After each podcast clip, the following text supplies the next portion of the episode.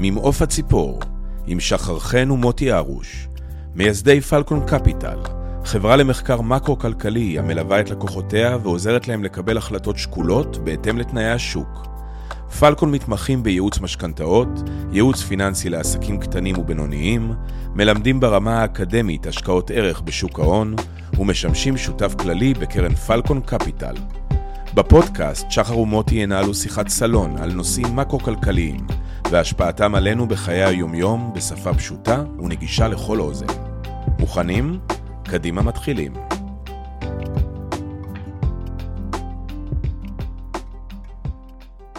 את הפתיחה של הפרק הקודם סיימתי עם המשפט כי נראה שיש ניחוח של תחילת שנות האלפיים והשבוע זה מגיע לידי ביטוי על פי דוח הכלכלנית הראשית.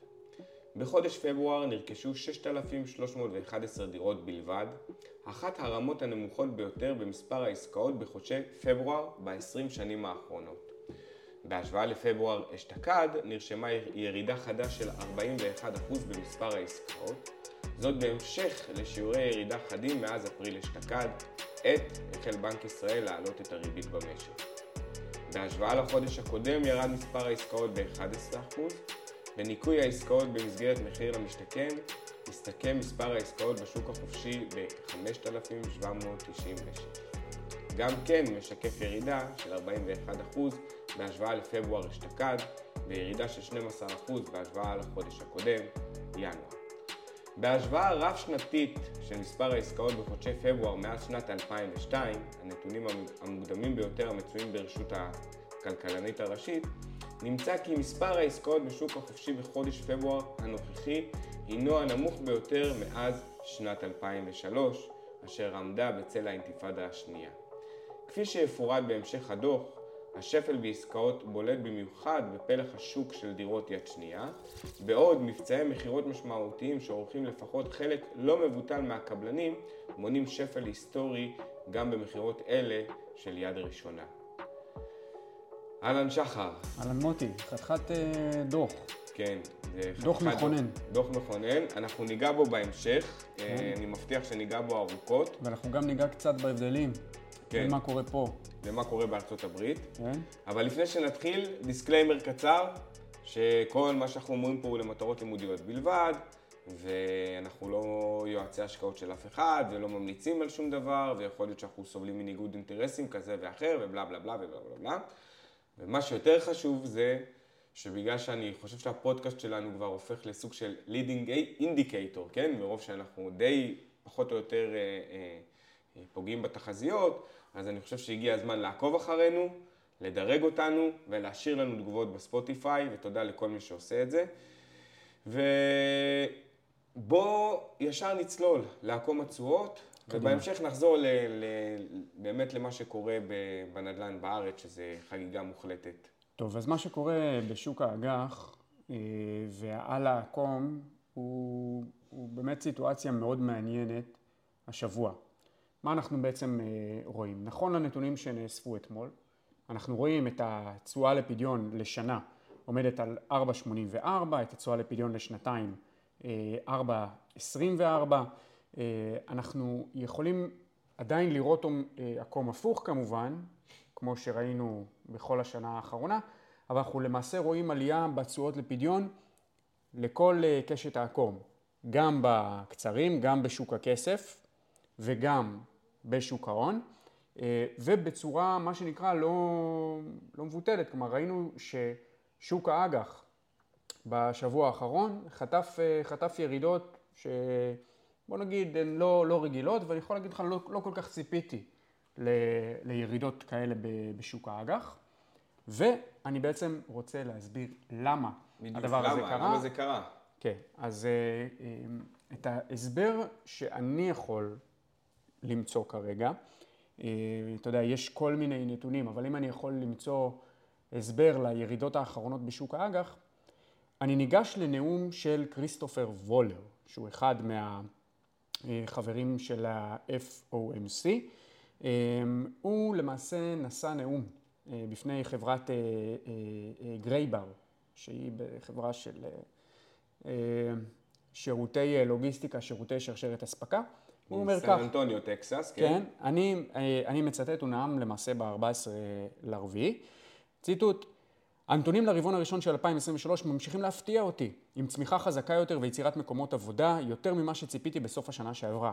ה-FOMC, ועידת השוק הפתוח, העלתה משמעותית את טווח היעד של הריבית כדי להפחית את הביקוש המצרפי, aggregate demand, אך צרכנים ועסקים בארצות הברית מגלים חוסן מדהים.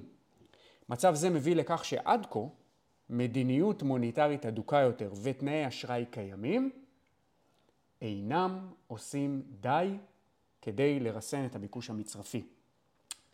האמירה הזאת היא, היא, היא אמירה מכוננת, כלומר הוא בא ואומר, הוא בעצם חבר ב-FOMC, מה שאנחנו עושים, לא זה, מספיק. זה לא מספיק, חייב לעשות יותר. חייב לעשות יותר. יותר ניצי, יותר כן. אגרסיבי. היא לא יותר להעלות ריבית.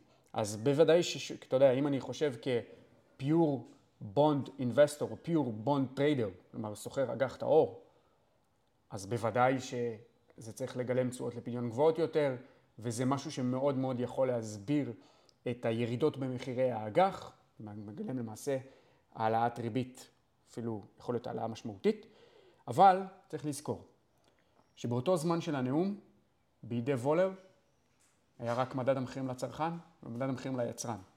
לא היה בידו נתונים על מכירות קמעונאיות.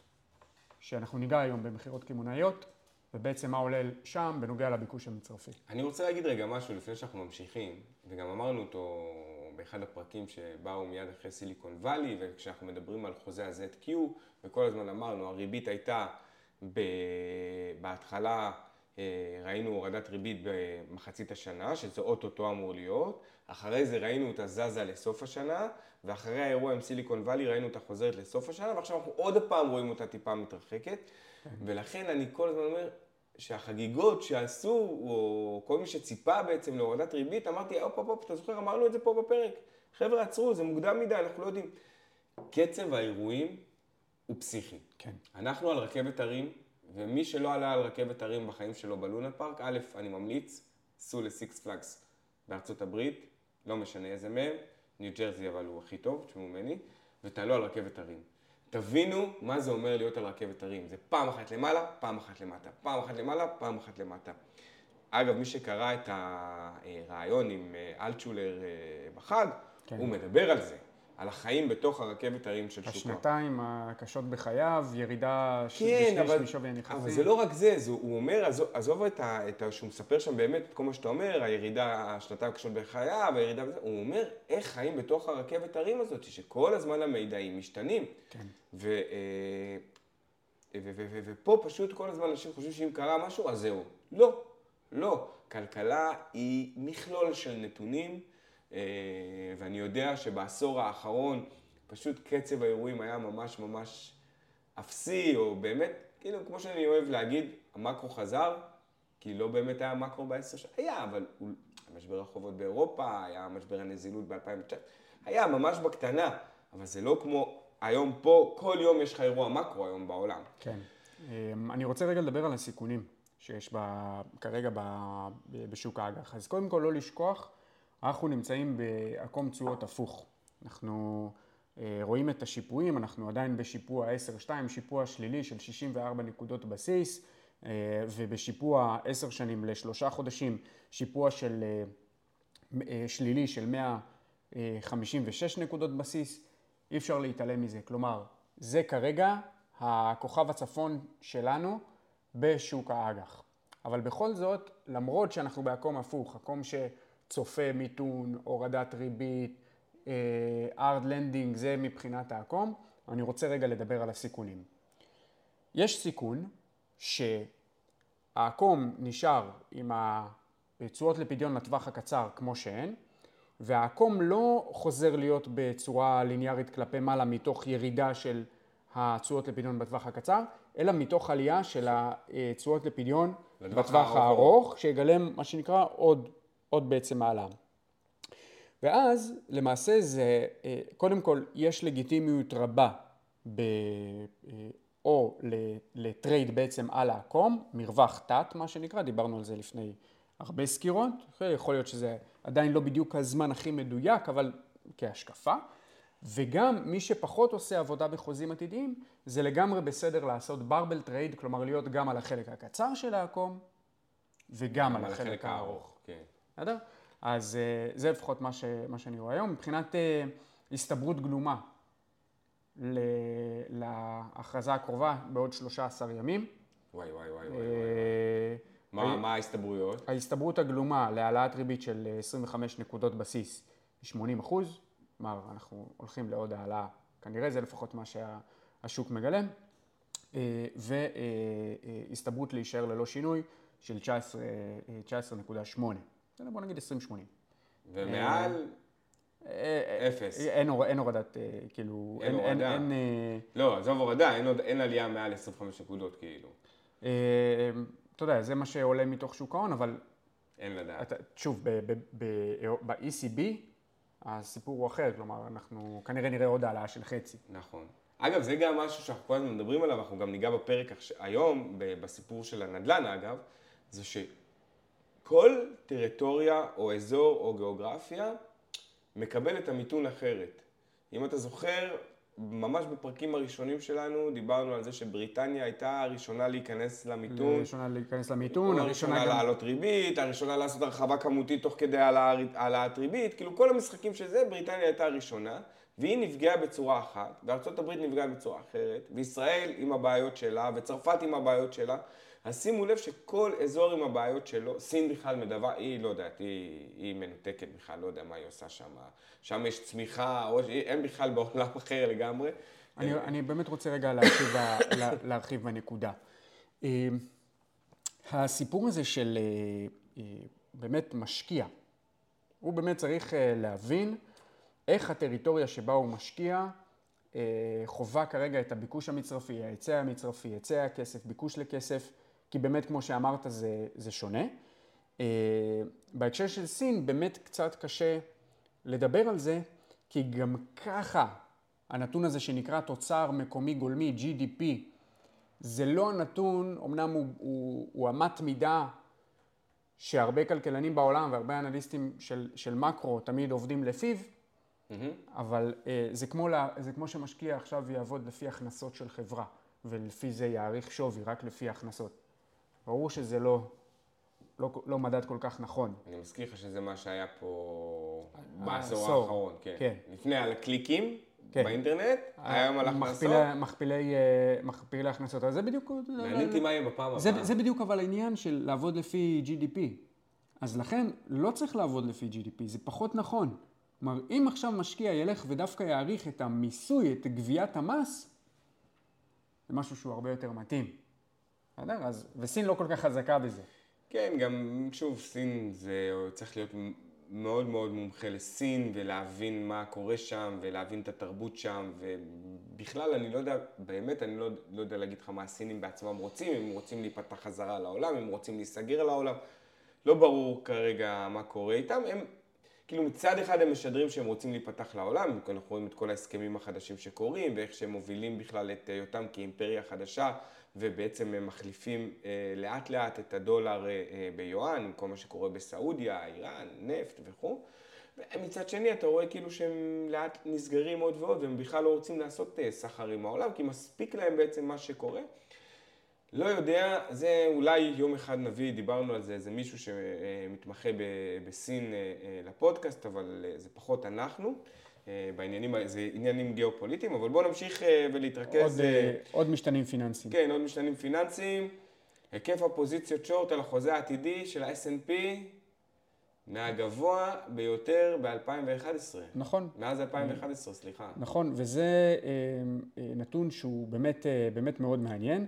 בכלל, כל אה, שנת 2022 התאפיינה בהיקף שורט נטו ב-open interest אה, על החוזה העתידי, אה, ואנחנו רואים את השורט נטו קובע למעשה אה, שיא אה, חדש, שורט נטו שעומד על אה, 300 אלף, אה, אה, 300 אלף חוזים, נכון לפני אה, יומיים, זה במקור, מי שיסתכל ב-CFTC ויראה את הדוח היומי, אז, אה, אה, אז יוכל לראות את זה.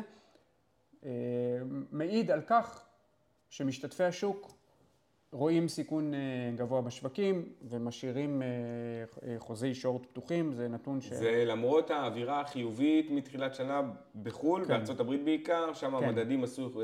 עשו יפה מאוד. נסדק עשה 11 אחוז, S&P 7 אחוז, כן, שלושה חודשים, אבל... אבל באופן אינטרסט אנחנו רואים שיש דווקא שורט נטו. כי, כי, כי זה גם, יצא לנו לדבר על זה אתמול, אה, שחר ולך, ואנחנו חושבים באמת שהשוק קצת מתוח, וגם אם הוא בסוף שוק ההון הוא האינדיקטור המוביל, זה שאמור אה, להתחיל עליות עוד לפני שה... כלכלה. כן, הכלכלה הריאלית עושה את זה, זה עדיין לא עכשיו, זה עדיין לא הזמן, זה לא עכשיו שפתאום צריכות להיות, לבוא עליות out of nowhere בלי שום דבר שתומך לפחות את היציאה או את הציפייה ליציאה, כי עדיין הסנטימנט, כן. הסנטימנט הוא שלילי. אה, עוד מדד?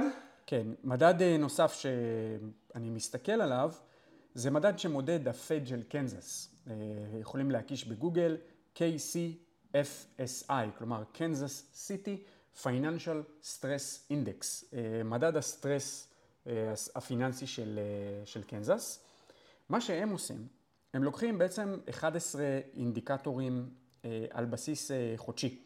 בין האינדיקטור, האינדיקטורים האלה יש אינדיקטורים של תשואות לפדיון, שוק האג"ח, treasury repo על השלושה חודשים repo, swap לשנתיים, off the run על on the run, זה מושגים בשוק, בשוק האג"ח, מספר משתנים בעצם בשוק האג"ח, כוללים גם בתוכם מדד פיזור של תשואות, אם זה תשואות הבנקים, מדדי פיזור נוספים בשוק ההון, ולמעשה אנחנו רואים את המדד סטרס הזה, את מדד הלחץ הפיננסי, קובע איזשהו C, אוקיי, C בעצם משמעותי, שהפעם האחרונה שהוא היה ב-C הזה, ראינו אה, אה, בעצם בתקופת, ה, בתקופת הקורונה. אה, בתקופת הקורונה באזורי, אה, באזורי מרץ 2020, ולמעשה כרגע המדד עולה מעל טווח סטיית התקן הראשונה שלו כלפי מעלה. אה, השיא הגבוה ביותר מאז שנת 2019. אז מלמד בעצם על סטרס פיננסי בשוקי ההון. אני מזכיר לך שביוני 22 אה, הבנקים בארצות הברית עשו מבחני לחץ של הפד, ולפי הפד הזה, במקרה, במקרה של מיתון קשה, 34 בנקים הגדולים בארצות הברית יסבלו מהפסד מצרפי בערך של 612 מיליארד דולר, אבל ההון שאמור להישאר ברשותם יהיה כפול מאשר נקבע בתקנות, אבל זה היה ביוני 22, ואנחנו רואים שהמצב רק הולך ומחמיר כרגע אל מול מבחני הלחץ. מאוד מאוד מאוד מעניין מה יקרה שם, גם מאוד מאוד מעניין מה קורה פה במבחני הלחץ אה, בישראל, אנחנו נדבר על זה עוד מעט. אה, תראה, מבחני לחץ זה באמת, אה, זה רגע, באמת שלא, דבר בוא, מעניין. בוא, בוא זה... נסביר רגע, שחר, תסביר בכלל, מה זה אומר מבחן לחץ? מה, אוקיי, מה הסיפור הזה? יש בעולמות, בעולמות ניהול, ניהול הסיכונים, יש כל מיני מודלים. המודל המרכזי שבדרך כלל מנהלי סיכונים עובדים איתו, אתה יודע, המודל שכל העולם מכיר אותו זה מודל VAR, אוקיי? Mm-hmm. Okay? value at risk. Um, ו- ו- ו- וזה למעשה מודל ש- שבוחן בסיטואציה באמת מסוימת של uh, הפסד, מהי ההסתברות להפסד של סכום, uh, סכום מינימלי מסוים. הסיפור הזה של סטרס uh, טסט הוא משהו באמת מאוד מאוד דומה. לוקחים אה, מאורע, או יותר נכון מגוון מאורעות, אה, עם, ה, עם ההסתברות שלהם, ואז בעצם בוחנים מהו ההפסד המינימלי שייווצר במערכת פיננסית כלשהי, בין אם זה בנק, חברת ביטוח, קרן גידור, בית השקעות וכולי, ובעצם אה, אה, מתרחשים, אה, עושים איזשהו תרחיש. זה מקרה ותגובה, רק משהו שהוא יותר רציני, מודל, מודל באמת שהוא מודל, אה, מודל הסתברותי. stress test, ב... לא שמעתי על stress test של... ש... שהמערכת לא עברה. מה, מבחן, אתה יודע. כן. זה כמו, לא שמעתי מעולם אה, על אה, פלוגה שלא כבשה גבעה באימון. כן, אותו, אותו, אותו דבר. דבר. אותו דבר. אז אתה, אתה לא, יש דברים שאין מה לעשות, אתה לא לוקח בחשבון, ובדרך כלל במצבים אמיתיים, תמיד המערכת, תמיד הפלוגה תהיה, תיתפס בחולשתה. אין מה לעשות. אה, ואתה צריך לה- להבין איך אתה מגיב. אז, אז אני לא... אפשר לדבר על, אתה יודע, אתה, אתה, אתה מכיר אה, אנשים שעושים את המבחנים האלה אה, ומתעסקים עם המודלים האלה. אה, אני יכול להגיד לך שאני שומע שדי מוטרדים, די מוטרדים, אה, אוהבים את הפודקאסט שלנו? מוזמנים לעקוב אחרינו בספוטיפיי, וכמובן לעקוב אחרי תכנים נוספים באינסטגרם, פלקון ואליו. פגעה וכו'. שוב, אני אגיד, אני לא יודע אם, אם, אם יקרוס פה בנק בישראל, כן? זה כי גם בגלל הריכוזיות וגם בגלל השמרנות, אבל אנחנו אומרים תמיד never say never. כן. אה, ואנחנו מקווים שמבחני הלחץ הם אה, אה, יהיו מספיק טובים כדי באמת להראות את הסיטואציה. אה, באותו הקשר, הנפקות של אגרות חוב בהשוואה לפברואר 2022, מה אנחנו אוקיי. רואים מהנתונים האלה? אז עוד עניין שהוא פיננסי בסופו של דבר, עוד משתנה פיננסי, אנחנו מסתכלים על היקף ההנפקות של החוב, אה, אני מסתכל בארצות הברית. אה, אנחנו למעשה ב, ב, ב, בשנה, בשנה החולפת, אנחנו בהיקף הנפקות של כמעט 700 מיליארד דולר חוב, בהובלת כמובן אה, אה, הנפקה של, אה, הנפקה של, של חוב ממשלתי, אבל זה למעשה הבדל משנה שעברה, ששם בעצם עמדנו על אה, 867 מיליארד דולר הנפקה של, הנפקה של חוב, ובואו רגע נראה איך, ה, איך בעצם המגמה משתנה, מה, מה בעצם מביא אותה להשתנות. קודם כל, ברור שיש פחות הנפקות, פחות גיוסי חוב, כי חוב יקר. החוב, החוב יקר, אז כל אחד חושב עשר פעמים לפני שהוא ממחזר, אה, ממחזר חוב. זה מדהים שאנחנו מדברים על ריבית של חמישה אחוז, שזה עד לפני עשר שנים היה... זה נורמה, זה על- ריבית מרסנת אבל אה, אתה אומר לי. ריבית של חמישה אחוז פעם, זה כמו שהיום הייתי אומר לך אפס. כן. פשוט אותו דבר. כן.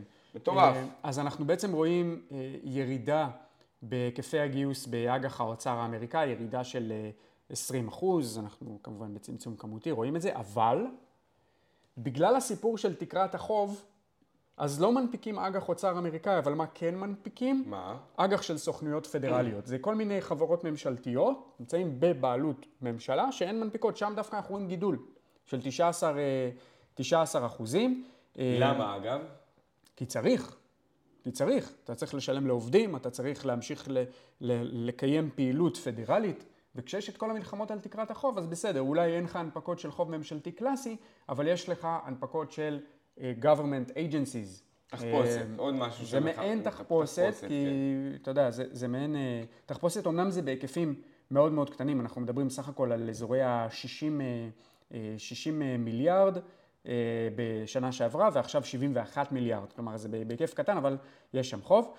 אג"ח מגובה משכנתאות, ממש, ממש, ממש, ירידה משמעותית מאוד של 63 אחוזים, ובאג"ח חברות, אה, חשבתי אה, שדווקא בעת הזאת זה טוב לגייס אה, אג"ח מגובה במשכנתאות, לא? פחות, פחות, אה, יקר. פחות.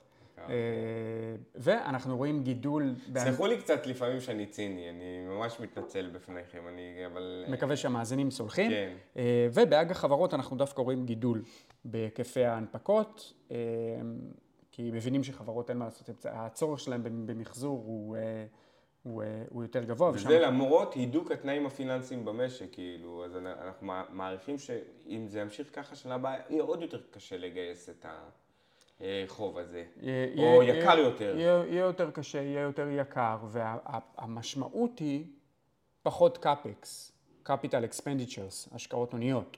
פחות CapEx זה אומר פחות צמיחה. אה, אה, פחות צמיחה זה עצירה בגידול ברווחי החברות. אה, אז באמת סיטואציה שהיא מאוד מעניינת, וכמו שאמרנו בלא מעט פרקים קודמים, למרות האווירה המאוד שמחה בשוק המניות בשבועיים האחרונים, אנחנו עדיין לא שוכחים, אנחנו צריכים לעבוד הגנתי כאשר אנחנו עובדים במניות, גם אם השוק ממשיך ככה עוד שנתיים. בסדר?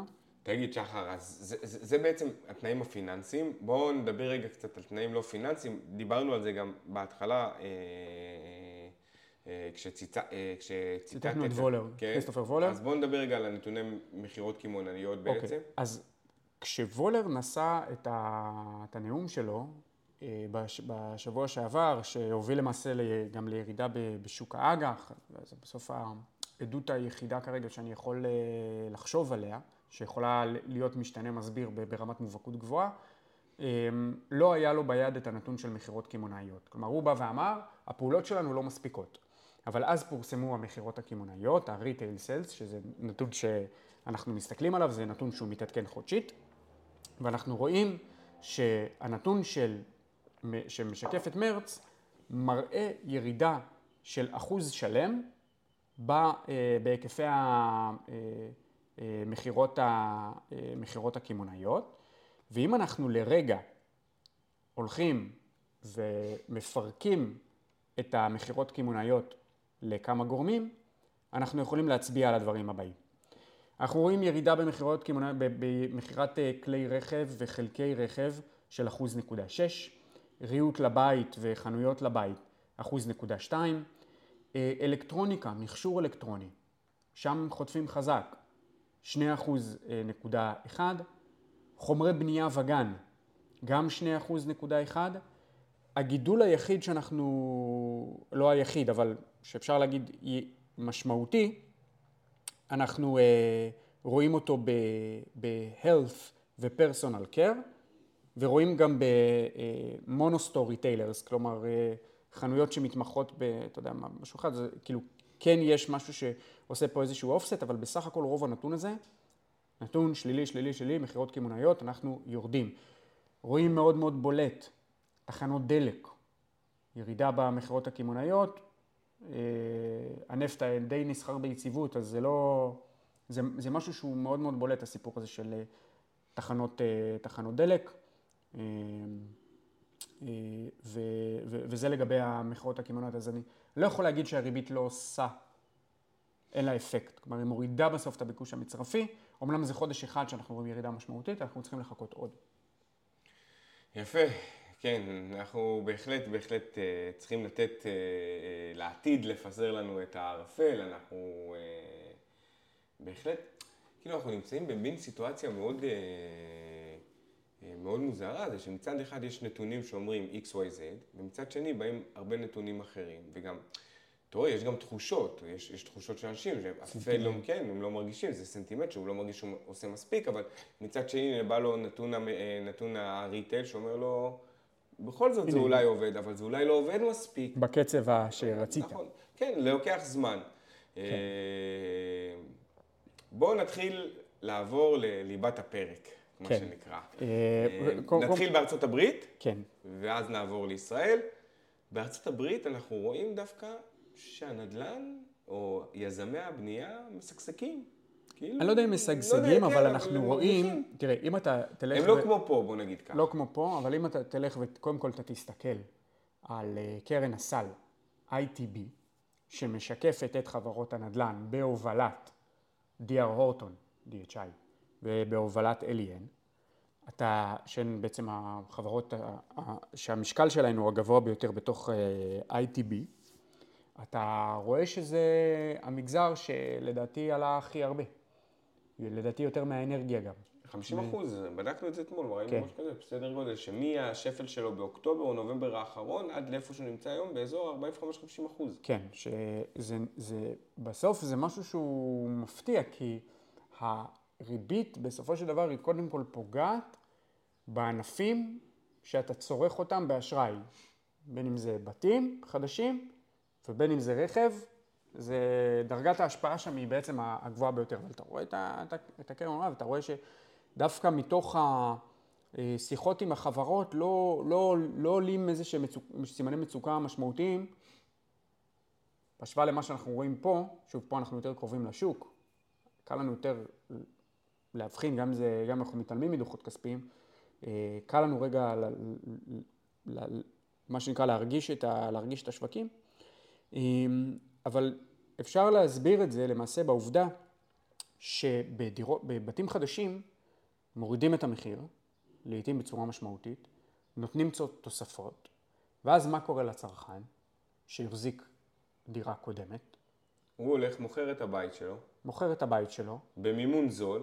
מימון זול, הוא לקח אותו לפני כן. שנים. קונה בית זול יותר, אמנם, אולי טוב יותר, אבל זול טוב יותר, זול יותר, חדש יותר, תשתית חדשה יותר, אבל במימון הרבה יותר יקר. מימון הרבה יותר יקר. אז הרבה יותר יקר, משמעותית. כן. רק האמריקאים אגב מסוגלים לעשות דבר כזה, כן? כי הם, הם פשוט מכורים, זה, צריך להבין את התרבות האמריקאית, הם מכורים לצריכה ולמבצעים ולכל מיני דברים כאלה שנראים להם על פניו בתצורה כזאת. הם יכולים על זה. תראה, אני לא נחשפתי, ל... ל... אנחנו בקרן גם לא נחשפנו לנדל"ן, לנדל"ן האמריקאי, שוב, אני יכול אולי להכות על חטא, אבל uh, אני חושב שאני, בוא נגיד, אני, קשה לי לקנות את זה. קשה לי לקנות את זה. כלומר, כמה שלא תגיד, תסביר לי, על, על מצוקות הדיור ועל המחסור בארצות הברית ובקנדה, אמ, זה נורא קשה עכשיו לבוא למשקיע מניות, להחליט שהוא קונה חברות, אה, חברות יזמיות בארצות הברית. האופסט הזה לדעתי, אה, אני לא יודע אם הוא יישאר לנצח. לא יודע אם הוא יישאר לנצח. אה, קשה לי קצת, איך נאמר, לקנות את זה. אבל זה מה שקורה שם. כן, זה כאילו מה שקורה. ש, מי שמחפש לשאול את עצמו, רגע, למה, למה מניות היזמיות, החברות היזמיות עולות בארצות הברית, הם מצליחים למכור בווליומים יותר גבוהים, גם יאמר לזכותם שניהלו את- המלאי נכון לאורך כל השנתיים הקודמות. אה, זה, זה, זה כרגע מבחינתם. אתמול אה, פורסם ספר הבז' כן. ועולים ממנו כל מיני נתונים, אגב, בכל, בבוסטון, בניו יורק, בפילדלפיה, גם, גם זה באותו הקשר, הבנאים שם מדווחים, בפילדלפיה מדווחים על מכירות יציבות. מה אנחנו יודעים ללמוד מהספר? קודם כל בואו נסביר לקהל, תסביר בבקשה למאזינים שלנו מה זה הספר הזה, איזה מידעים הוא נותן, מי אוסף אותו, אז אה, יש כמה נתונים שאנחנו, מאוד חשוב לנו לנתח אותם כשאנחנו עושים ניתוח מקרו. אתה בתחילת הפרק דיברת על הדוח של הכלכלנית הראשית, אנחנו תכף ניגע בו, מיד שאחרי, שזה זה, משהו, זה מהות- הנושא הבא, זה כן. בסוף מהותי, מהות- מהותי מאוד. אה, אבל יש עוד כמה מקורות, אתה יודע, ש, שאנחנו מאוד אוהבים לקרוא, בין היתר זה ספר הבז', בין היתר זה המינץ, שמתפרסם שלושה שבועות אחרי הכרזת הריבית. מה זה בעצם ספר הבז'? ספר הבז' מתפרסם שמונה פעמים בשנה, ולוקחים למעשה מידע אה, מתוך כל אה, 12 האזורים שמרכיבים את הפד. ניו יורק, קליבלנד, ריצ'מונד, פילי וכו' וכו' וכו'. אה, וכל ריז'ן כזה, כל אזור כזה, הוא נותן סקירה עם, עם, עם נתונים שרלוונטיים שהיו שינויים משמעותיים שם. וגם נותנים איזושהי אגרגציה בסוף, הפד בעצם חותם את זה בראש, ה, בראש הספר, נותן למעשה את הסקירה שלו. אז מה אנחנו בעצם רואים? ניתן ככה highlights מכמה, מכמה, אה, אה, מכמה מקורות. אז אה, קודם כל אנחנו נסתכל על בוסטון, אוקיי? אז אז בבוסטון אנחנו רואים שהתעסוקה עלתה, בעיקר באירוח ותיירות, כן. אבל היא... היא- זה היא- בעיקר ב, ב, לאור פעילות של אה, כנסים והרבה תיירות אה, בדיוק. נכנסת, תיירות, אה, תיירות עסקית. בעיקר עסקים שבאים מאסיה, כן? כן. אה, מדברים שם שגיוס עובדים, בניגוד לכל מיני אזורים אחרים בארצות הברית, הוא נעשה קל יותר, אבל גיוסים טובים נרשמים בעיקר בתחום הזה של מלונאות, אירוח, מסעדות ומחסנים בתחום ההלבשה. כלומר, אנחנו רואים שינוי במגמות תעסוקה, לא בכמויות, אבל בנקודות שבהן משתבצים. גם על זה לא מעט דיברנו, נכון. כשאמרנו, כשכל הזמן אומרים יש מלא אה, אה, משרות פתוחות, מלא משרות פתוחות, אז אמרנו, צריך אוקיי, לשים צריך לב. להבין איזה משרות פתוחות. כן. לא עורכי דין. לא information technology, לא, כן. לא הייטק. לא רופאים, לא מקצועות או אה, כאלה דברים שהם באמת שיא ה-level שדורש ממך ב, אה, אה, למידה ועבודה קשה. לא, חלילה, שאני לא אומר שבמלונאות לא עובדים קשה, אבל בסוף במלונאות או במסעדה או באירוח, השכר יותר אחד, נמוך. גם נמוך, וגם כל אחד יכול לבוא לעבוד שם. כן. זה, זה ההבדל המשמעותי. אה, מה קורה בניו יורק? ניו יורק, שוב, זה מחוז שהוא... אנחנו יש- בעיקר מדברים על הצד המזרחי כיום בארצות הברית, כן? כן, אה, אה, נקודות אה, דומות אה, לבוסטון, אז, אה, אז שם אומרים דווקא שהוצאות הצרכנים נותרו ללא שינוי, בעוד שצרכנים מתמודדים לחצי אינפלציה גבוהה ועלייה ברמות אי הוודאות. אה, עסקים שאינם מתחום הרכב, הם אומרים שם למעשה שעובדים, שהיקף התפוקה הוא למעשה נמוך יותר. אה, וגם כמו בבוסטון, ההוצאות על טראבל, שירותים, פנאי ומסעדות עדיין ברמות גבוהות. כלומר, האזרח האמריקאי עדיין צורך את הפנאי. אה, חתיכת צריכה הוא עושה שם. עוד דבר שאומרים לנו, וזה אנחנו מחוברים בכלל ארצות הברית, התנאים במגזר הפיננסי הרחב הידרדרו בחדות, במקביל ללחצים האחרונים במגזר הבנקאות. בנקים בינוניים וקטנים מדווחים על ירידה בביקושים לאשראי, די ברור, ושיעורי הפיגורים, delinquencies, עולים בחדות בתחום ההלוואות לדיור. זה, צריך לקחת את זה, זה מופיע גם בדוח של הפד, בסלוז, בסקר שהוא עושה מול הבנקים, מופיע גם פה, מופיע בעוד, בעוד הרבה מקומות. שזה אגב, אחת הסתירות שאנחנו מנסים ליישב כבר כמה ימים, זה איך יכול להיות שהיזמים, ההום בילדר, שדיברנו עליהם מקודם, עולים. כן. מצד שני, אנחנו רואים פיגור בתשלומי המשכנתה, שזה כן. מה שאתה אומר בעצם. אנחנו כן. רואים הידוק של התנאים צ... הפיננסיים. צמצום, צמצום מוניטרי, מה אתה, כאילו, זה, זה מאוד מסוכן לקנות חברות נדל"ן. אה, בפילי, פילדלפיה, אה, קיטון משמעותי בהיקף שעות נוספות, אה, התחלות של פיטורים בכל מיני מגזרים, תנאי שוק תעסוקה קלים יותר מאשר בעבר, עדיין קיים קושי בגיוס עובדים לעבודות לילה, לסופאשים ולמשמרות, ובנאים, דיברנו, מדווחים על מכירות, יציבות. כן, זה בהחלט נתונים אה, מאוד, אה, מאוד, מאוד מעניינים, כי יש פה כל הזמן אה, סתירה, אין לי דבר אחר להגיד. אני זוכר אתמול בערב ש, שדיברנו ושברנו את הראש ואמרנו, וואי, מה, מה קורה פה? כן. מה קורה פה? כן. מה קורה פה? אז זה, זה מה שאנחנו... לא, לא, ברור לי שיכולות להיות, יכולים להיות מקרים כאלה של... אתה יודע, אה, ש, ש, שבשוק קורה כך ובמקום אחר קורה כך. אני מסתכל על זה בשוויון נפש, כאילו הייתי באמת מצפה לראות את אה, מניות הנדל"ן בארצות הברית אה, חוטפות יותר, וזה כאילו בהתבוננות על המסכים גורם לך להצטער שלא לקחת DHI או ITB או, או, או, או דברים כאלה, אבל לא... לא, לא נורא. כלומר, אני מעדיף לקחת עסקה שאני נעול, אני מאוד בטוח, יש לי conviction. ובסוף, אם יש לך conviction, אז הביטחון גם להמשך הוא, הוא באמת אה, הרבה יותר, הרבה יותר גבוה ויותר נכון בעצם ללכת, אה, ללכת ככה. בואו ניקח את הדברים לפה, לדוח, לדוח הכלכלנית הראשית. אנחנו... וואו, אני, איזה אני, דוח. אני חושב בקריאה שאתה קראת אותו בעיון, אני קראתי אותו ברפרוף, נימה קצת עדינה, לא? אה, כן, אבל אתה יודע מה? אני רוצה להתחיל רגע לפני. אני זוכר את עצמי אומר פה בפודקאסט, אתה יודע, בדרך כלל אני לא נוטה להגיד אמרתי לכם, וזה לא הסגנון שלי, אבל הפעם אני חייב לעשות את זה. הפעם אני אגיד אמרתי לכם. אמרתי לכם, ואמרתי לכם, ואמרתי לכם, ולא רציתם להקשיב.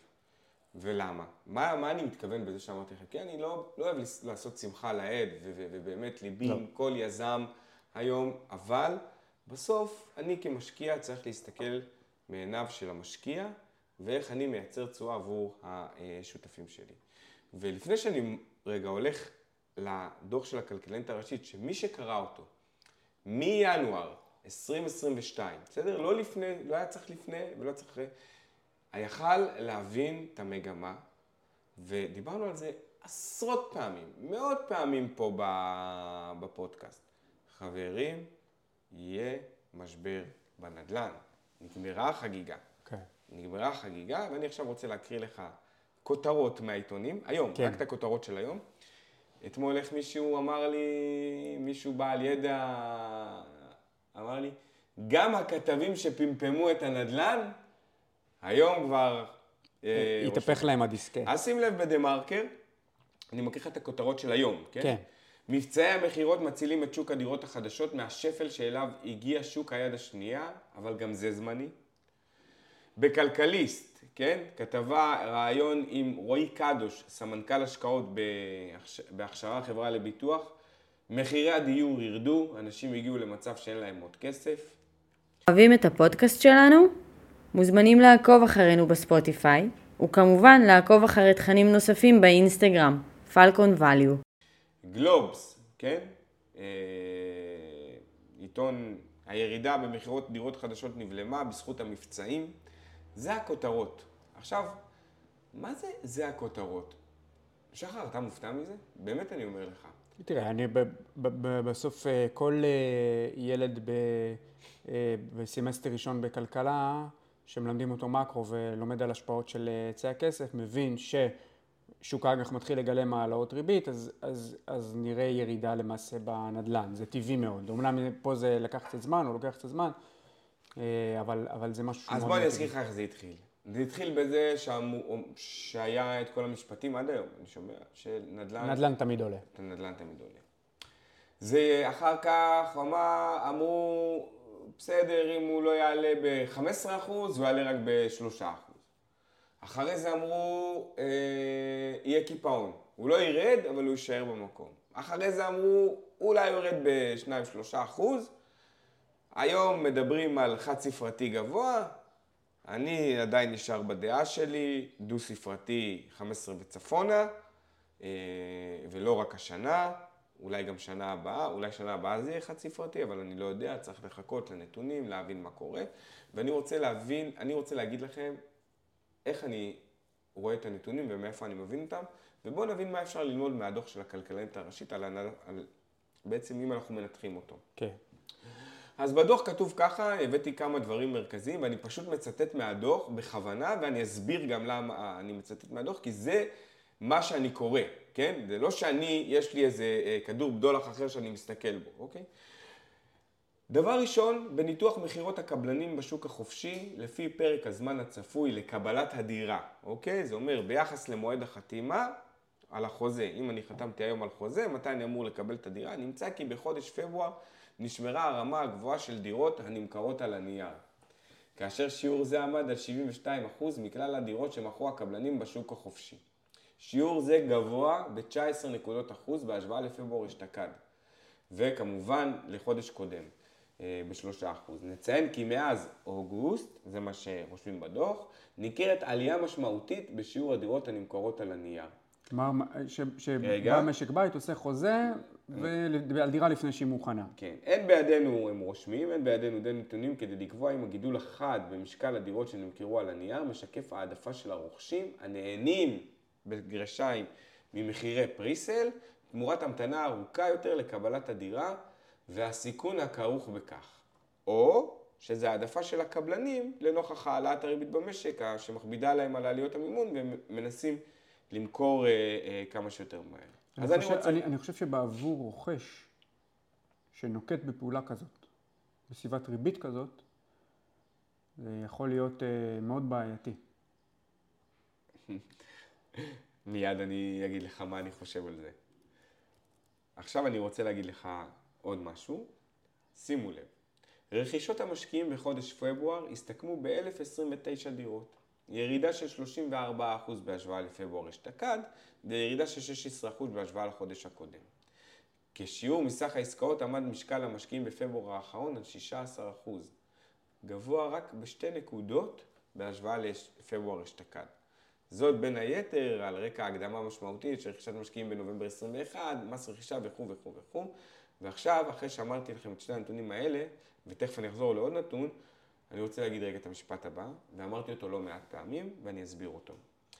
כסף חכם יוצא משוק הנדל"ן, כסף טיפש נכנס לשוק הנדל"ן. איך אנחנו מבינים את זה? ואני אגיד לך, דיברנו על זה רבות. קודם כל, שואלים אותי איך אתה יודע, למה אתה חושב שתהיה ירידה בנדל"ן? אז אני אומר, חבר'ה, תסתכלו. מלאי בידי דירות המשקיעים ממשיך לרדת. עזבו רגע מה זה אומר על השכירות. זה לא מעניין בכלל כרגע מה זה אומר, אם השכירות תעלה או לא תעלה, זה לא מעניין. זה אומר שמי שראה עד היום את עצמו עושה כסף בנדל"ן, יצא. כתוצאה, כסף בנדל"ן כתוצאה מעליית ערך. כן, כי זה כבר לא רלוונטי. למה? כי אם אני היום שם את הכסף שלי בפיקדון, אני מקבל עליו תזרים טיל. כן, טיל. בלי, בלי הסיכון בלי שיש סיכון. בהשכרת דירה וב. ובלאי של הנכס. עכשיו, אני רוצה רגע לחזור לסיפור הזה של המחירי פריסל. וגם את זה אמרנו. בגלל שהקורונה שיבשה פה לאנשים את המוח, ביחד עם הריבית אפס, הרי מה קרה? אם היית קונה באמת פריסל בין שנת 2012 ל-2020, היית באמת עושה כסף. אמיתי. למה? כי אתה קונה דירה היום. מה, מה זה פריסל? מה, אתה יודע... אתה לוקח הלוואה מהקב... מהקבלן? לא, אתה אבל עזוב, מה את ה- זה אומר? מה זה אומר מחיר פריסל? למה אם קניתי היום דירה במיליון שקל, למה היום היא עולה מיליון שקל ועוד שנה היא עולה מיליון 200? כי הסיכון היום יותר גבוה. לא, כי זה היוון. נכון, כי שיעור זה היוון היוון. פשוט. שיעור היוון מגלם את הסיכון למשך יותר זמן. בדיוק, זה היוון. לא היוון באמת. הרווחת לא, לא. באמת הרווחת, כי ברגע שהדירה מוכנה היא שווה מיליון 200, וכשהיא לא מוכנה, היום היא שווה מיליון. אבל מה קרה? כשחיינו בסביבת ריבית אפס, עם אינפלציה אפס, באמת הרווח היה ריאלי, אמיתי. כן. עכשיו, כולם נזכרו פתאום, עכשיו, מה זה כולם? הרי, הרי זה כל עניין לא, אפקט זה, העדר. זה גלגל ש... אתה יודע, אנשים, משתתפים חדשים נכנסים לשוק, זה כמו משתתף חדש שנכנס לשוק ההון ואומר לי, "אה, אני רק S&P 500. אבל זה, זה סיפור, זה הסיפור. כל הקבוצות פייסבוק האלה, שמפמפמות לאנשים את המוח, ואתה רואה אנשים כאילו ש... גם מה שיפה זה שכולם מומחים היום בהשקעות ובנדל"ן וזה, ומסבירים לאנשים איך לעשות. ואתה אומר, רבאק, מה קורה איתכם אנשים? אתה בסביבה אינפלציונית, אתה בסביבת ריבית עולה, איזה עליית ערך? על מה אתה מדבר? מדברים איתך על ירידה, למה לשים עיניים ב... עכשיו, כל, כל יום אני מקבל שלושה טלפונים של אנשים שמסבירים לי שהם קונים היום כדי, כדי למכור, למכור בעתיד. במחיר יותר ואז אני. שואל אותם, מי הבטיח לכם שהערך יעלה? זה אחד. אה, ו- ובמקביל, כל יום אני מקבל עשרה טלפונים, שכן, זה מצחיק. עלה של- לי ההחזר משכנתה. עלה לי החזר המשכנתה מ-5,000 ל-8,000, מה אני עושה? תמכור. ולא רוצים למכור את הדירה. לא רוצה למכור. לא, מה פתאום, אמרו לי, היועץ ההוא אמר לי ככה, זה אמר לי ככה, אני לא מוכר, אני לא זה. אל תמכור. אני אגיד לו, אני אמר, אתה יודע, היה מישהו כבר שאמר אותי השבוע, אתה יודע מה? אתה צודק. אתה יודע מה אמרו לי שאני מתברבר בניווטים בצבא? תוציא את המחסנית נודבים, תירה ב-60 מעלות, אולי מישהו יבוא לחלץ אותך. מה, אולי, לא יודע, אולי יפול עליך ריבית נמוכה מהשמיים, אני לא יודע.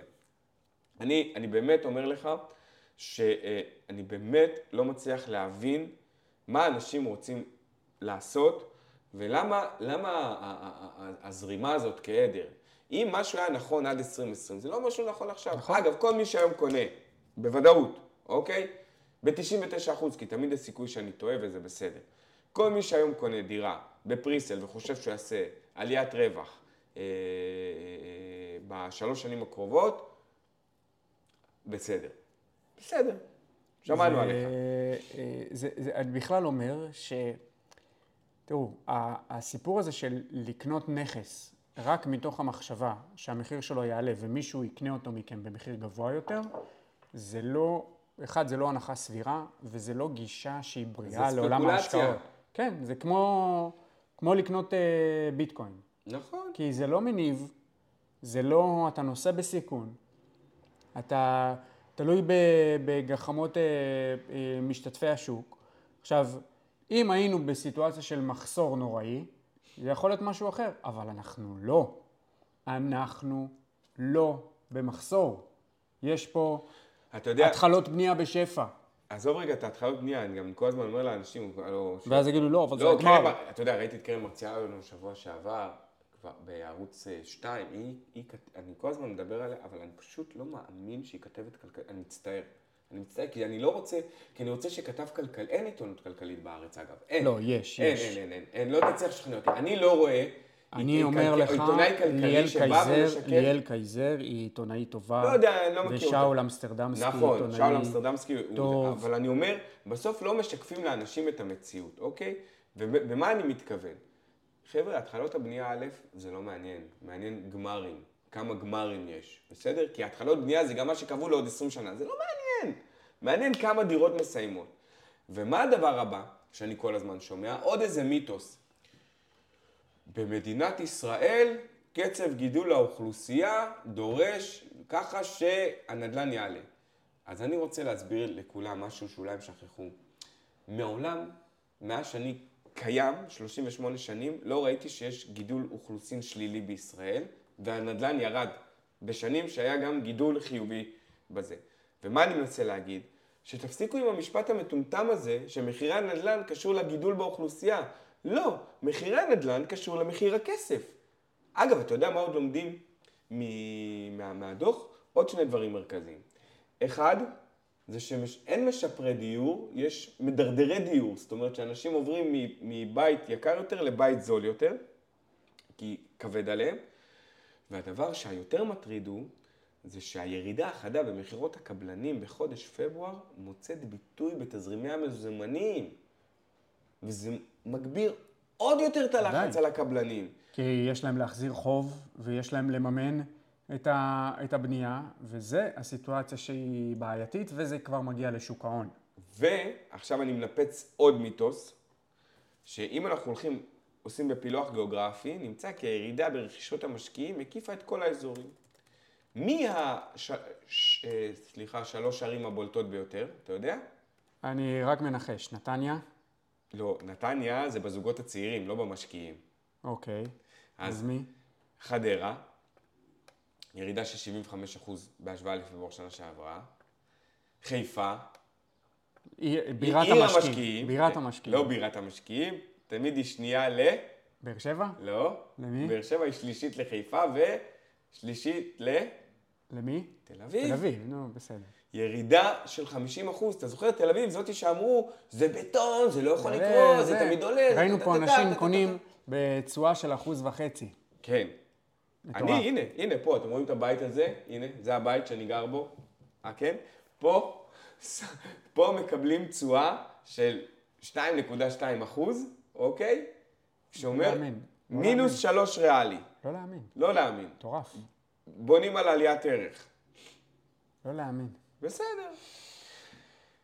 עכשיו, בסדר גמור. אני אגיד לכם עוד משהו. אני אמרתי ואני חוזר ואומר, וזה, והפעם אני, אני בדרך כלל לא נוטה לעשות את זה, כי זה, אה, אה, לא יודע, אני מרגיש משהו לא טוב, אבל אמרתי לכם. וזה לא רק שאמרתי לכם, אני כבר אמרתי לכם מתי אני מוכר את הדירות שלי. אני אמרתי לכם, אני מכרתי את כל הדירות שהיו ברשותי. לא סתם באתי, אמרתי לכם, אני עושה משהו, תעשו, אני לא עושה. אני אומר לכם מה שאני עושה. רק זה לא המלצה, אני לא ממליץ לכם, אני רק אומר לכם מה, מה התנאים במשק. כן. וזה,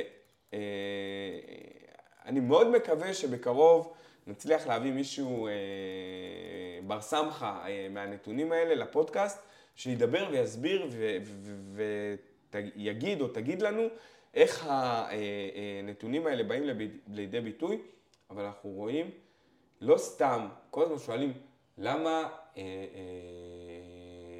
החברות הציבוריות חוטפות כל כך הרבה בבורסה? כי השוק לא מטומטם. כן. השוק לא מטומטם. אנשים, אה, אתה יודע, שוב, כל, שוק, שוק ההון הוא מבוסס על תחזיות, אז אתה יודע, בסוף התחזית מדברת. נכון. זה עד כאן אה, בסוגיית הנדל"ן בישראל. אנחנו, אפשר לדבר, אנחנו נעשה על זה פרק. אני מבטיח לכם, אנחנו נעשה על זה ממש בקרוב, או שבוע הבא, עוד שבועיים, ממש פרק. שחר, לקראת הסוף, עונת הדוחות, כן. ככה לקראת סיום בואו נדבר על הדוחות של נטפליקס, ג'יי פי מורגן, טסלה, מה הדברים שאנחנו יודעים ללמוד מהם. אז אה, עונת הדוחות של הרבעון הראשון נפתחה בשבוע שעבר עם אה, דוחות הבנקים, אתמול, אה, שלשום מדווחת נטפליקס, אתמול מדווחת טסלה. באמת אפשר לראות הרבה נתונים מעניינים. אז בואו נתחיל עם נטפליקס. נטפליקס למעשה התחילה בסיפור הזה של חבילות לואו קוסט. לואו קוסט, כלומר חבילות שיש בהן מודעות בעלות שהיא יותר, אה, יותר נמוכה, במטרה בעצם להגדיל את, אה, את היקפי המשתמשים.